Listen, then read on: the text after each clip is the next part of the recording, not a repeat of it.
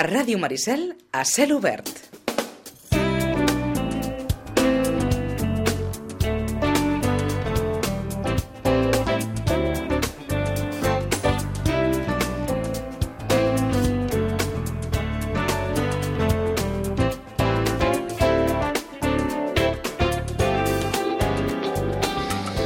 Una novel·la en un món... Eh, ell ho defineix d'aquesta forma, de, de kinkis, i especialment dins ells un protagonista, el Zarco, que, com ell defineix, un pobre nano i també un irresponsable que s'ha ben guanyat tot el que li acaba passant a la vida, però al final mostra una gran lucidesa i una certa grandesa.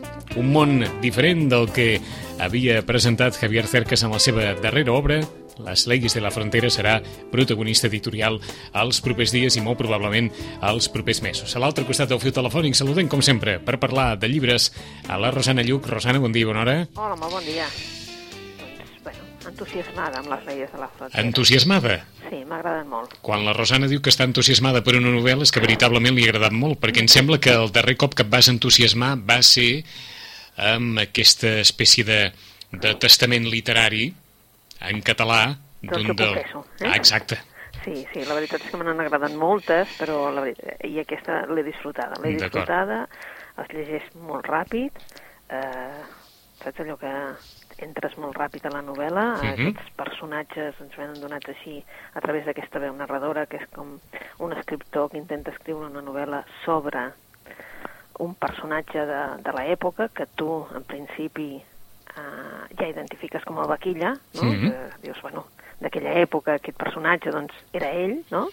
I clar, delinqüent, juvenil i... Bé, uh, bé, però podria ser qualsevol altre, eh? però en definitiva tu ja identifiques, però identifiques molt cada vegada que parla un dels personatges a través d'aquest, no? aquest espècie d'interlocutor que va parlant amb els personatges que podien haver conformat doncs, aquell paisatge, Sí. el Gafites, mm?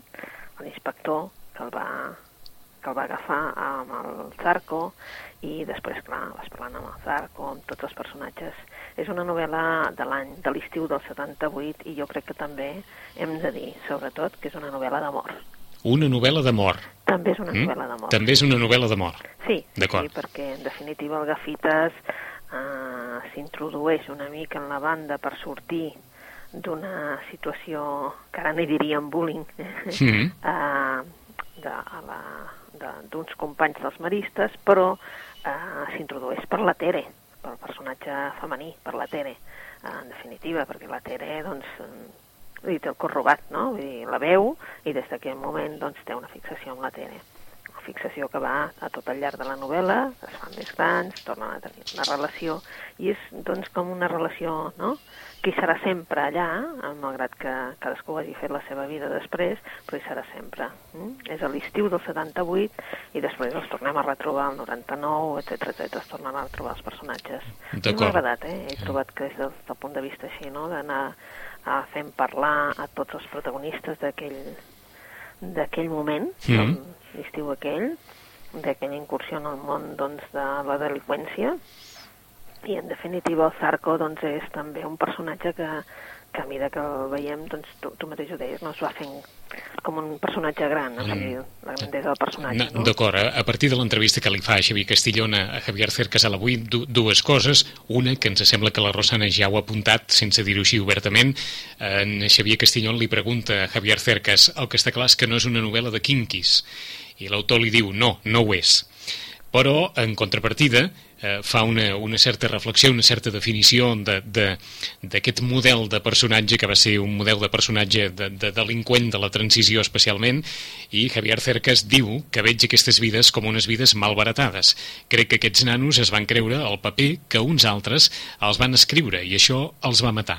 Entre totes les pel·lícules de Kinkis que he vist per preparar aquest llibre, n'hi ha una que està molt bé. Fa referència a una de les pel·lícules amb les quals Carlos Saura es va acostar a aquest món quan, quan tothom en parlava, que és Deprisa, Deprisa. Diu Javier Cercas que el nano que la va pro- protagonitzar en el seu moment, José Antonio Valdelomar, immediatament després de presentar-la al Festival de Berlín, el primer que va fer quan va tornar va ser atracar un banc per primera vegada i ho va fer perquè s'havia cregut el personatge. És, és una reflexió, per tant, que va més enllà estrictament de la, de la definició de, del delinqüent i del passa i del que viu, no? Sí, sí, sí, Sí. sí. I, això, i això surt en la novel·la, eh? D'acord. Tu vas trobant, tu vas Eh, trobant, em, no? què té a veure Girona aquí dins? Doncs sí, Eh, perquè és que, eh, diguéssim que els personatges, eh, el Zarco, que és el, el protagonista, per dir-ho d'una manera, al costat de, del Gafites, no? arriba a Girona, vale? Mhm. el Gafites és un nano que, diguem-ne, seria aquella definició doncs, dels seus pares eh, doncs, no són de Girona, però han vingut a Girona, ell ja és de Girona, diguem-ne, ell parla català, és l'època del 78, va als maristes, eh, està totalment integrat, però hi ha una frontera que són les lleis de la frontera. La frontera és el riu, no?, perquè més enllà ja hi havia les cases aquestes, doncs, eh, com a barracons, per dir-ho Sí. d'alguna manera, no? I és Girona perquè quan parla d'aquests nanos s'instal·len en el xino, no? La basca, perquè tot el llenguatge és com a molt d'aquella època, no? Mhm. La basca, eh, vamos a ver el palo, mm, saps? Els recreatius Villaró, tot està recreat dintre del que en aquell moment era el xino, el barri xino de, De Girona. de Girona, que en definitiva, bueno, clar, mm, és allò, no?, el call, però és que era, es veu molt, molt, molt curtet, és a dir, que no, no hi arribaven ni quatre carrers. D'acord. Ho dic per si es veu molt Girona en aquesta novel·la i si Eh? Molt. veritablement... D'acord. Molt, molt, I, molt, i, molt, I si la molt novel·la pot convertir-se una vegada més, com ha passat amb, amb les grans novel·les dels grans autors, en, en esquers per anar a visitar la, la capital o, o no. Sí, però el que passa que és veritat que, que d'allò, eh, com a tot arreu, no? Sí. Doncs és que hi ha hagut una transformació terrible, Exacte. van haver de tirar cases, etc i d'allò no en queda res. El Entesos. que sí és que la veritat és que ells es troben, bueno, la seva primera, diguem-ne, experiència amb una prostituta és a la Vedet, un club que es deia la Vedet, eh? Ara no hi és el club, el que sí hi ha és un bar en el Eh. mateix lloc i ha tingut la gràcia de posar-se igualment la Vedet. Eh? Exacte, i apareix ell fotografiat al costat precisament d'aquest eh, restaurant doncs, que homenatja sí. un, un antic prostíbul, diu, diu eh, la, les pàgines de, de l'avui. de l'avui. Vinga. Doncs, bueno, és, un, és una mica que sí que... Els del restaurant deuen, deuen estar feliços, eh?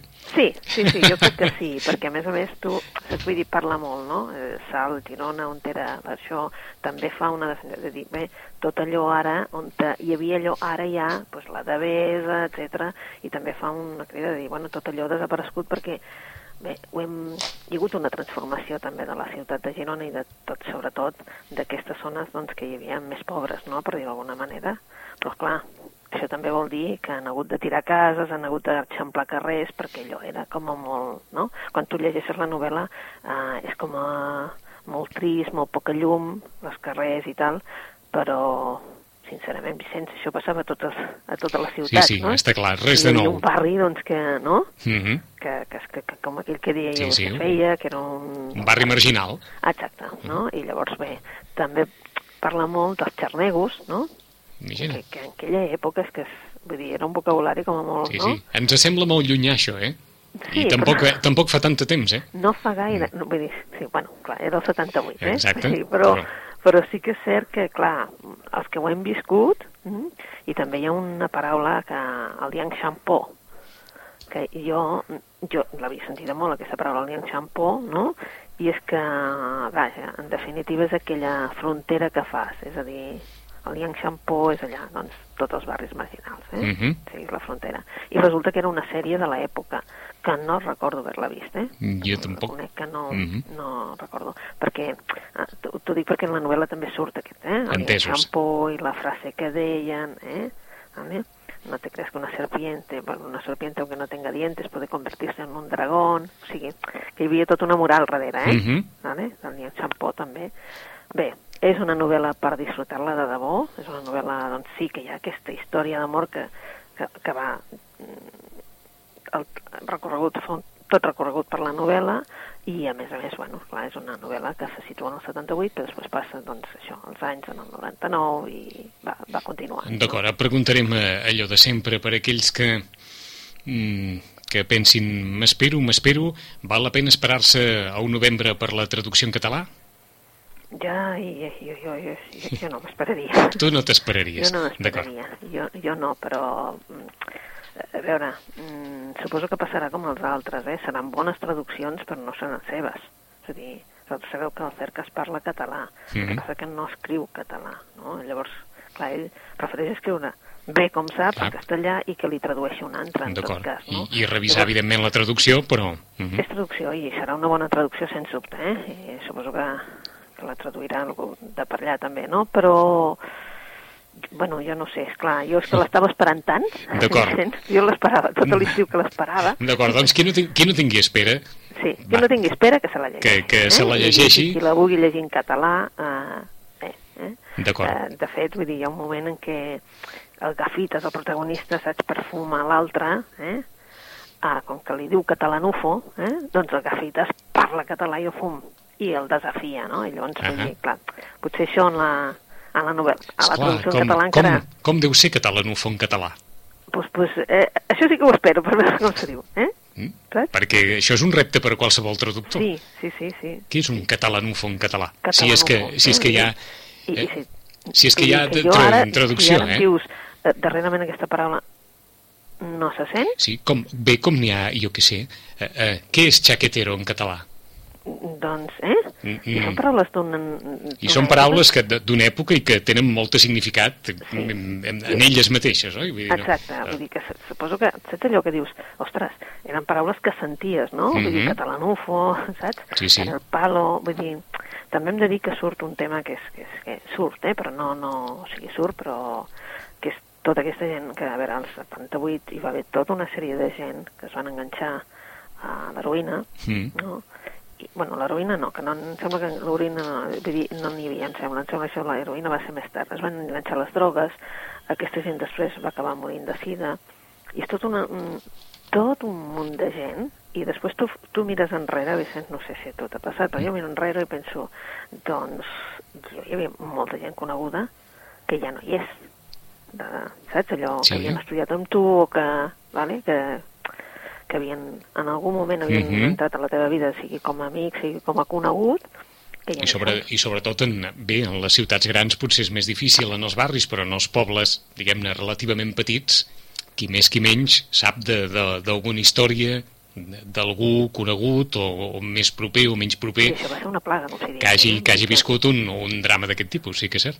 Eh? Vull dir Mhm. que és una història també d'aquell moment, també, no? Uh -huh. Que vull dir, sí, fa molts anys, però alhora, el, bueno, sembla que ho tinguem, no? Vull dir, Molt- quan ho molt- llegeixes ho tens Mhm. molt a prop, no sé quan, què et passarà a tu, però jo, quan ho he llegit, ho he tingut molt a prop i de dir, Mhm. ostres, no? Vull dir, ho recordo perfectament, no? Doncs les, Recordo perfectament l'estiu del 78. Ah, les leyes de la frontera. Anàvem a dir que miraculosament una història que no va de la guerra, sinó de la transició. No, no, no, De- no, de- no, la eh, guerra no hi té res a de- veure. D'un entorn de, de transició. El darrer llibre de Javier Cercas, la darrera novel·la, gran novel·la, ens diu la Rosana Lluc. Qui no pugui esperar, que se'l vagi a comprar immediatament i qui pugui esperar al mes de novembre sortirà la traducció en català. I a la llista de llibres més venuts, moltes o moltes incorporacions noves, eh, veiem, eh, en, no sé si havíem parlat de, de Balla, Balla, Balla de, de Murakami o no? No, no, no, No. perquè ha estat un llibre de Murakami que d'alguna manera s'ha començat a vendre, però no ha tingut aquella embranzida de, dels altres llibres de Murakami. Suposo perquè mm, connecta eh, amb un llibre que, que em sembla que no està traduït al català, ara no, no t'ho sabria dir, que fa molts anys es va editar i que era La caza del carnero salvaje, de Murakami. Llavors, clar, eh, suposo que els lectors de Murakami s'esperen una mica, Mm. no?, perquè no s'ha notat aquell, eh? Vull dir... I en canvi eh, apareix en, en una bona posició en la llista de, de llibres més venuts en català. En segon lloc apareix. Sí, sí, eh, és curiós perquè... Si No, no, no, no ho he escopsat a la llibreria, per dir-ho així, que hi hagi una certa... Mm, Sí, però no com un llibre... D'acord, d'acord. No com Murakami aquells, que eh, arriba a Murakami i arrasa. Sí, Sí, però no, vull dir, sí i no. O sigui, eh, és, va, va més lent, és com una sensació de que va més lent. Jo Mm. encara no, no l'he llegit, D'acord. perquè, bueno, em van dir que, que, bueno, que, que era inclús, doncs allò, és com una... com si aquell fos anterior i com si d'alguna manera te l'haguessis de llegir, no? Mhm. Doncs, bueno, eh, D'acord. Bueno, el, el deixem aparcadet. S'incorpora també a la llista Lliures o morts, Mm. de David de Montserrat i Jaume Clotet, eh, diu, entre altres coses, la, la ressenya, el pagès Armengol Amill lluita contra els borbònics en la guerra de successió. Sí, és una, una novel·la que des que va sortir, suposo que la gràcia també és que ha sortit ara... En aquest moment, setembre, no? Eh? Té una portada espectacular, no? Molt de d'11 de setembre del 1714, i llavors, clar, és una mica, doncs, eh, que, clar, és, és potser ara la consigna, no? D'acord, la conjuntura ha ajudat, vaja. Sí, sí, sí, jo crec que sí. eh, És una novel·la històrica, una novel·la, doncs, doncs això, no?, que, que en aquests moments suposo que també ha ajudat perquè doncs, la- l'editorial també n'ha fet com més desplegament Mhm. i la veritat és allò que dius, bueno, com que és una novel·la històrica ja me la llegiré, mm, anem a llegir coses que no llegiran els altres. D'acord. No sé si havíem parlat de Res no suposa la nit. Res no suposa la nit, és una novel·la interessant. Eh? La Mm. Delfín de Vigan eh, ja ens va presentar fa molt de temps el Res i jo, i la veritat és que era una novel·la, una proposta doncs, eh, interessant. Ara ens vol parlar, de, en definitiva, de la mare, no? I, bueno, eh, eh, perquè la Delfín de Vigan representa que va entrar un, un, un dia al departament de la seva mare i, i la, la va trobar morta, no? I, clar, trobar la mare morta en estrany, circumstàncies que, que tu no ben bé no, no, no arribes a saber i, eh, no? bueno, eh, el que va fer ella, doncs, evidentment, una catarse va dir, bueno, doncs vaig a veure exactament què ha passat, no? I una mica, simplement, per reconstruir aquell trencaclosques que, que havia estat la, la vida de la, de la seva mare. Una dona que sembla que, sé, que era molt...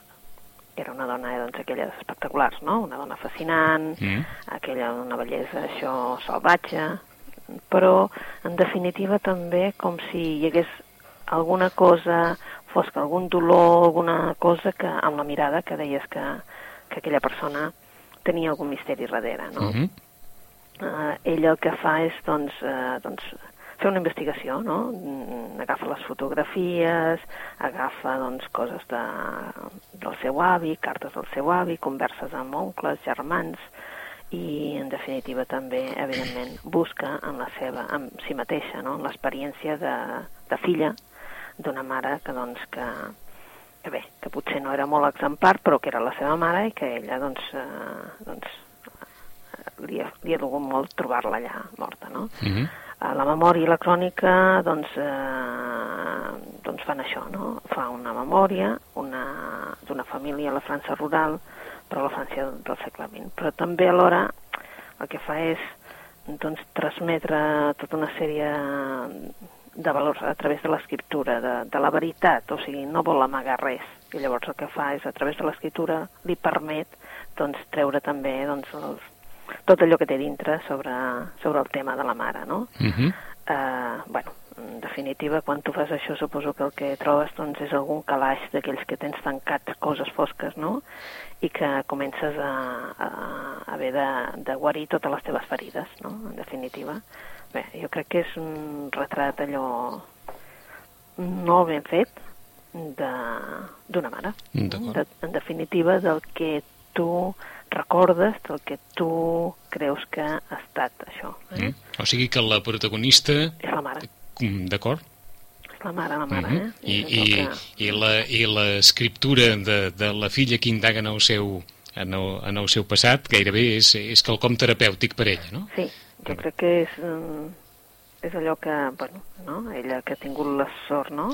Quan, quan no tens la mare és allò que, mm, en definitiva, tots la... no? Però ella Mhm. ha tingut la mala sort, diguéssim, de trobar-la. No? D'acord. Llavors, clar, això també fa que tu necessitis, suposo, doncs també, doncs, a dir, bueno, mm, alguna cosa més, Ahà. alguna explicació, no? Doncs anem a fer un repàs també a la llista de novetats en castellà. No sé si havíem parlat de La mujer és una isla.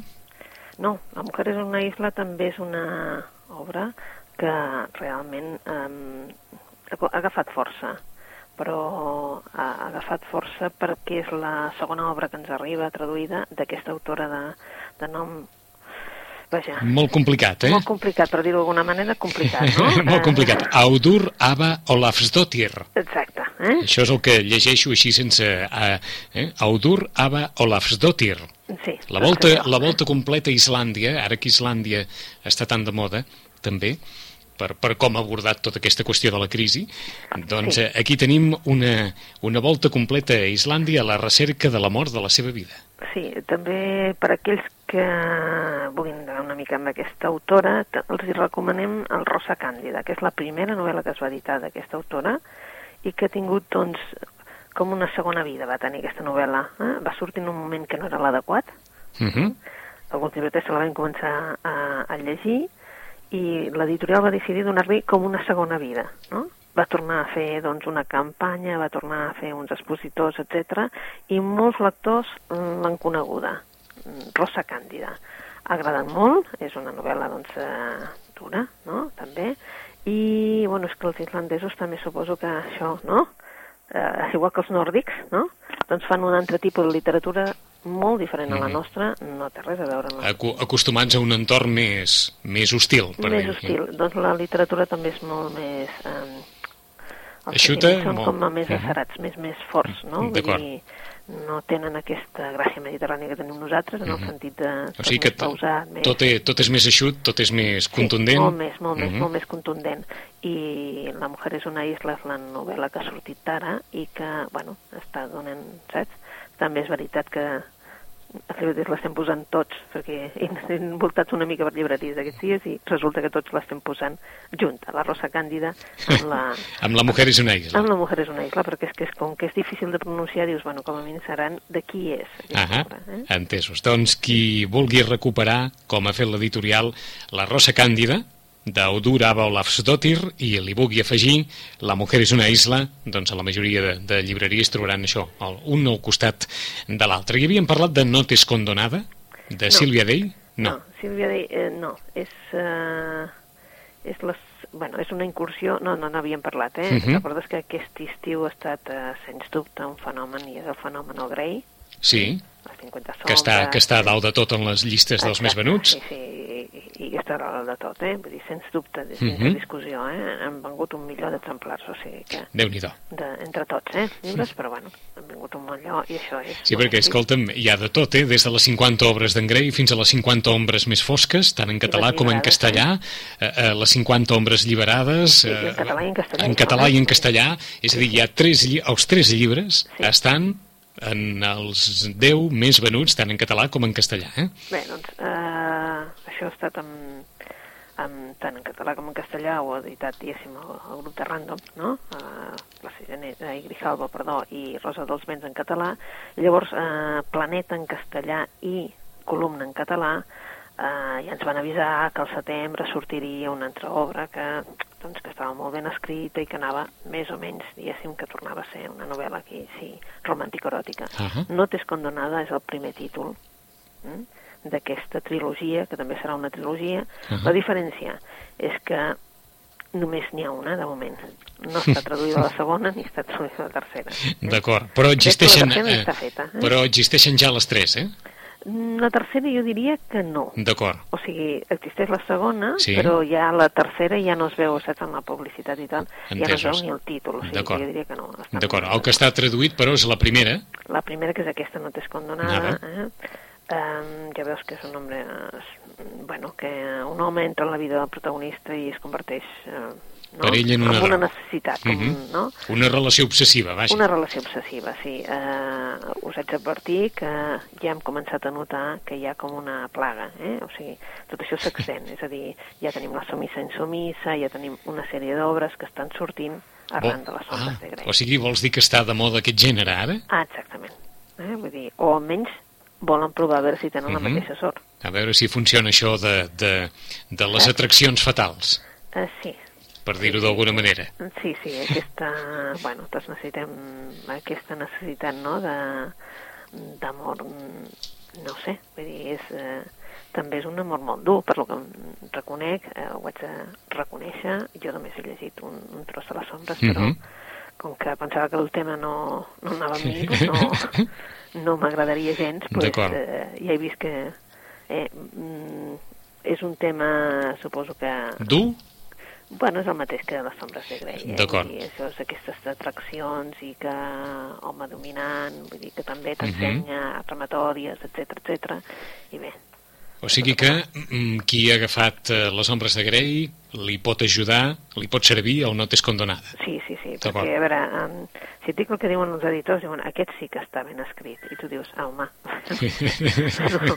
no, no, no, dir, Ha quedat, no és... ha quedat molt clar. Ah, exacte, el que passa és que reconec que jo no l'he llegit, però sí que Mhm. la gent que sí que han notat que potser hi ha una escriptura, a veure, a les ombres de Grey, el Brevedent és entretenir-te, i tampoc no, no crec que pretengui que Vol- se li doni cap dir que premi ni res de res. Aquí hi ha una escriptura més refinada. eh? Més refinada, sí, Mm. potser més elaborada. Mm -hmm. Ara, eh, el que sí constates és que comença a estar de moda, hi ha una certa tendència Sí, sí, sí. eh, en novel·les d'aquest tipus ara. D'aquest, sí, un gènere romàntic eròtic, per dir-ho Ah. d'alguna manera. Eh? D'acord.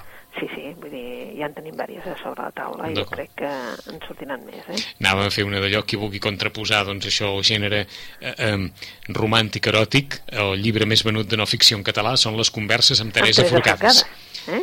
No? Sí, sí, suposo, sí, eh? el Quan més venut. Converses, suposo que són les converses Ah, Teresa exacte, el llibre més venut de no ficció en català. O sigui que, i el llibre més venut de no ficció en castellà, Una motxilla para l'universo, que és la, la, el llibre d'Elsa Ponset, que ja per Sant Jordi ja, ja va sortir amb molta, bé, mo- molta, molta rebombori mediàtic en el, en el seu moment. Alguna recomanació, Rosana?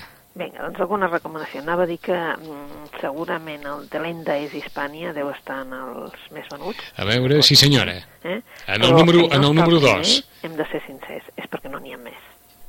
D'acord? Vull dir, perquè el llibre està exaurit, estan fent nova edició, una nova edició ara, vull dir que suposo que ara en aquests moments tots estem, no? Una mica, Mm, doncs... que, la, que les màquines d'impressió van a tota pastilla. Ah, tota, sí, sí, Eh, sí, eh. perquè la veritat és que és el tema, no? Volem saber no? més sobre el tema de la independència i doncs eh, suposo que ara en aquest moment el que està doncs és això, no? Creus que mm, hi haurà un, un cert re- rebrot de, de llibres d'aquest eh, d'aquest Pues tipus? I, i, I he estat, eh? La veritat és que, si t'ho dic, ara riuràs, però l'editorial, eh? el, Mhm. el, grup de, el grup 62 el que ha fet és recollir una sèrie de llibres que tenien no? sobre el tema, eh? i el que han fet és posar-los una espècie de, de Red Bull, D'acord, però eh, en català, amb una etiqueta en català. d'acord. Em, que, saps? Vull dir, tot retractilat només pel, pel dia 11 de setembre. D'acord, doncs que sàpiguen aquells que diuen de l'enda est Hispània, mm, aquesta expressió, aquesta expressió, doncs bé, hi ha, hi ha un referent, per això a vegades et traguem aquí cap d'internet, perquè la memòria i la ignorància no ajuden massa d'allò. Doncs bé, eh, l'expressió eh, de l'enda est Cartago és l'expressió amb la qual acabava Catón tots els seus discursos cap a l'any 150 abans de Crist. Bé, l'expressió vol dir, o la traducció així més o menys literal seria, que Espanya ha de ser destruïda. Seria aquesta la traducció del Delenda Est Hispània. Eh?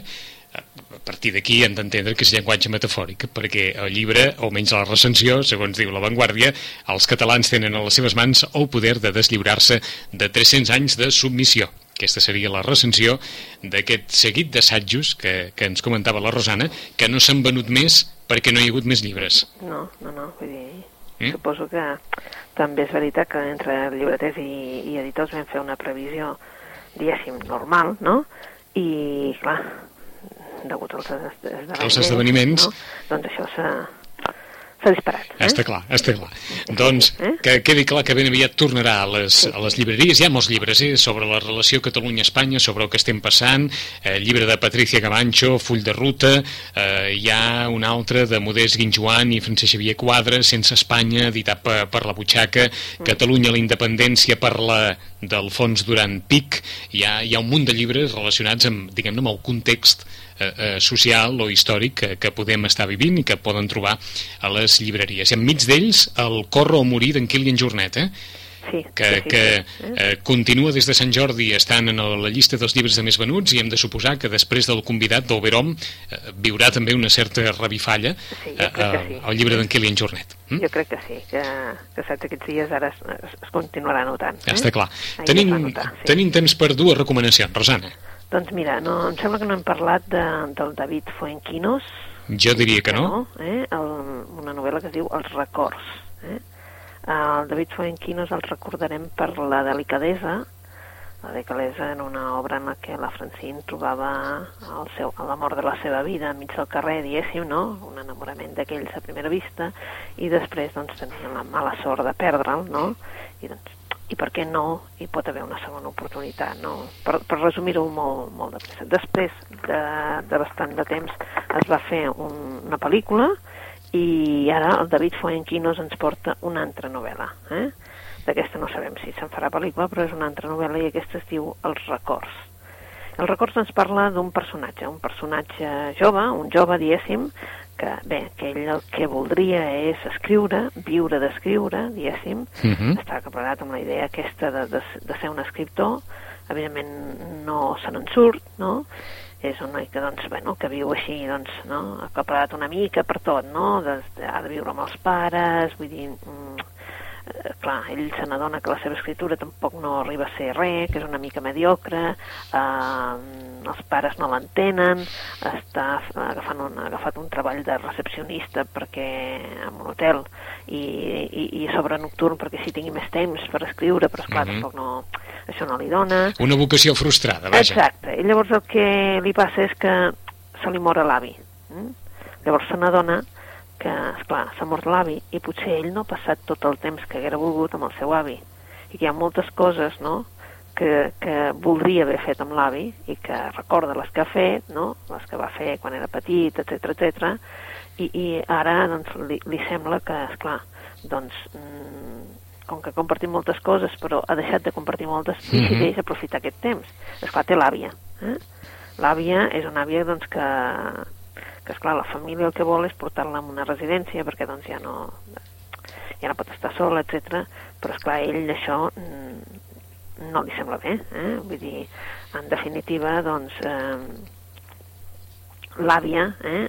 saps que ara estem acostumats que els avis ens fugen, Sí. que ens salten per les finestres i tot Mhm. això, doncs aquesta, aquesta àvia també fuig, no? i aquesta àvia, doncs, doncs, en comptes de fugir per la finestra, fuig, però en definitiva ell doncs, anirà a la recerca d'aquesta àvia per veure si la troba i doncs, pot compartir amb ell, amb ella doncs, tot això que no ha compartit, no ha acabat de compartir amb l'avi. Mm? Es diu els records perquè en definitiva tira molt del fil de tots aquells records que amb ell l'han marcat i evidentment doncs, hi ha els avis i els avis han, han format part de la seva vida i ara el que voldria doncs, és recuperar doncs, tot el temps perdut. Mhm. Eh? És a dir, el que no va poder Fer en eh, aquell moment. fer en aquell moment ho vol fer amb la seva àvia. D'alguna manera servirà l'àvia de- d'excusa per d'excusa o de- o d'element per poder eh, eh, guarir una mica les ferides de no haver eh, estat amb, amb l'avi tot el temps que hagués volgut el protagonista, aquest personatge jove dels records, darrera novel·la de David Florenquinos. I segona recomanació. Eh, Bueno, ara us recomanem una que, que, és, que és que ell sempre ens porta coses divertides. Per tant, anem cap a l'altre extrem. A veure. Eh? I uh, David Safier, eh? suposo que el, el recordem pel maleït Carme. Després uh, va fer aquell de Jesús m'estima. Um, després va fer un altre que era ara ben bé no me'n recordo, recordo que en castellà es deia Jo mimé contigo, i ara eh, la veritat és que ha decidit doncs, fer-ne un altre, un altre que segurament es farà una pel·lícula així com d'animació, segurament, i es diu Una família feliç. Eh? Bé, doncs una família feliç el que ens parla és d'una família, els Van Kieren, eh? que en definitiva és una família que no són gens feliços. Eh? Uh, la mare té una llibreria, que és l'Emma, uh, és una llibreria que ha de tancar, mira tu que bé, eh? i el pare, en Frank, uh, de fet, bé, té una feina que el sobrepassa. Eh? En, tenim també el fill, que és la- l'adolescent, que, que aquell, bueno, és d'aquells de que no, no, no fan res, eh? i el petit, el Max, que les noies que li agraden el tanquen al vàter de l'escola. És a dir, que Rosana... és feliç, té, no eh? Anava a dir, Rosana, quin panorama. Sí, sí, sí, és, saps allò que dius, bueno, mm, és allò, no? Que, vaja, cadascú fa una mica una vida que, que sembla que no s'hi trobin, no? Ah Uh, bé, en, en definitiva, després d'una festa hi ha una bruixa és, és, eh, que llançarà un encanteri sobre aquesta família i convertirà el personatge, els convertirà eh, els condemnen, de fet, a convertir-se en els personatges que, que van disfressats, eh? i de repent doncs, són els Frankenstein, una mòmia, l'home llop, vull dir, una, eh, vaja, eh? els monsters, com si diéssim. Eh? D'acord. Clar, mm, perquè hauran de... Clar, és que hauran de trobar algú que desfaci aquesta encanteri. Per tant, en aquesta recerca no, doncs, es troben amb, un, una pila de monstres reals, eh? vampirs, lagandaixos, gegants, turistes, eh, mm, d'aquells turistes que te'ls trobes a tot arreu perquè van en viatges organitzats i semblen que no siguin un, que són 200 i van tots junts, no? I fins i tot, eh, bueno, mm, coneixeran el, el comte Dràcula en persona, eh? I, clar, el comte Dràcula el que voldrà és fer de Dràcula i, i eh, clar, doncs, eh, de Dràcula sobre l'Emma, la mare, perquè la troba preciosa, no? Bé, eh, per tal de trobar la felicitat, ells creuen que tot s'hi val, no? I llavors, clar, van buscant aquesta bruixa per mig món i com que es troben un munt de gent pel mig, doncs és aquelles situacions eh, gracioses, eh? Mm. Um, pretén fer, doncs això, eh? Una, una obra divertida, mm, no podran de ser, deixar de monstres fins que tornin a creure en la felicitat familiar, per tant, és com una alegoria també, però bé, és una obra que, que és això, és el contrapunt de totes les que hem dit al començament. Eh? Mm. 11 i 55 minuts eh, del matí en els minuts finals. Creu la Rosana Lluc que el llibre de paper desapareixerà? Home, jo crec que no, crec que no.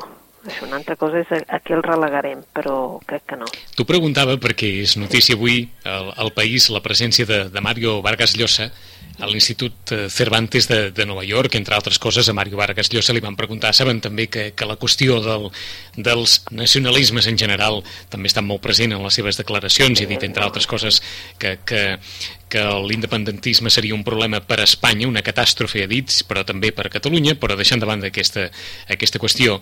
Eh, ha parlat molt en, el, en els darrers temps, Vargas Llosa, fins i tot en les seves obres, de, de la cultura i del paper que se li està donant precisament a, a l'educació, la literatura, els llibres, etc.